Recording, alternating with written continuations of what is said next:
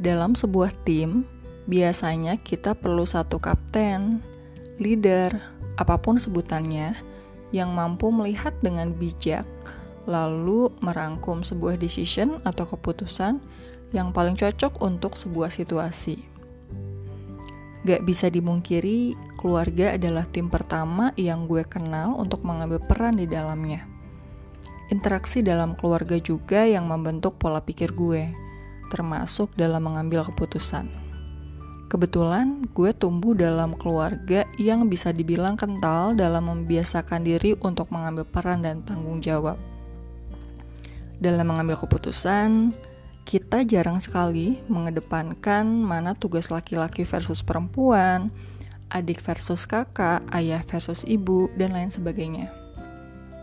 Sebagai contoh, tugas mencuci, dulu bapak suka bantu cuci juga sih.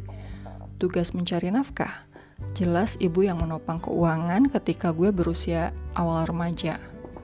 Tugas memasak, kakak laki-laki gue lebih bisa diandalkan tugas oprek-oprek keran yang rusak atau ganti lampu atau isi ulang galon, gue sebagai anak perempuan yang biasanya paling sigap. Contoh kebiasaan-kebiasaan kecil ini secara nggak sadar menajamkan pola pikir dan sikap kami dalam menghidupi keluarga ini. Singkat cerita, di usia gue dan kakak beranjak dewasa, ada sebuah stigma yang kadang-kadang nggak enak untuk kita dengar yaitu anak laki-laki bertanggung jawab untuk ibunya. Oke, konteksnya saat itu adalah masa-masa awal ibu yang kini uh, udah meninggal sebagai single mom. Sepeninggalnya bapak, kami bertiga mostly hidup terpisah. Ibu berdagang di rumah, gue sekolah sambil kerja, dan kakak merantau di luar pulau dalam pandangan gue, terlepas benar tidaknya statement tersebut bahwa laki-laki bertanggung jawab untuk ibunya, ketika diutarakan pada situasi saat itu, rasanya sangat tidak pas karena bisa mendiskreditkan upaya kita masing-masing dalam bertahan hidup. Gak jarang juga kakak gue terlihat nervous dan malah jadi ngefokus dalam bekerja. Barangkali harapan-harapan terlampau besar yang dikonstruksikan lingkungan sekitar kita turut berkontribusi pada kemarahan yang sebetulnya ia ciptakan sendiri.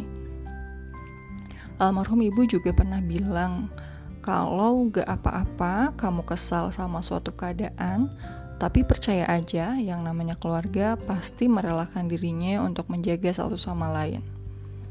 Ya, simpelnya sih dulu kita nggak sungkan untuk bergantian saling menopang satu sama lain, termasuk dalam hal finansial sesuai dengan kondisi dan kemampuan masing-masing. Gue yakin hal ini juga banyak dialami oleh keluarga lain di Indonesia, di mana tanpa melihat laki-laki maupun perempuan, adik versus kakak, ayah versus ibu, suami versus istri, dalam menopang kehidupan dalam keluarga secara bergantian. Hal yang tidak mudah memang, terutama jika yang dikedepankan adalah ini kan tugas laki-laki, contohnya. Barangkali ada di antara kita yang menaruh harapan kepada laki-laki yang ada di sekitarnya, kepada ayahnya, suaminya, anak sulungnya, kakak laki-lakinya, dan lain sebagainya. Tapi harapan tersebut uh, wujudnya tidak kejadian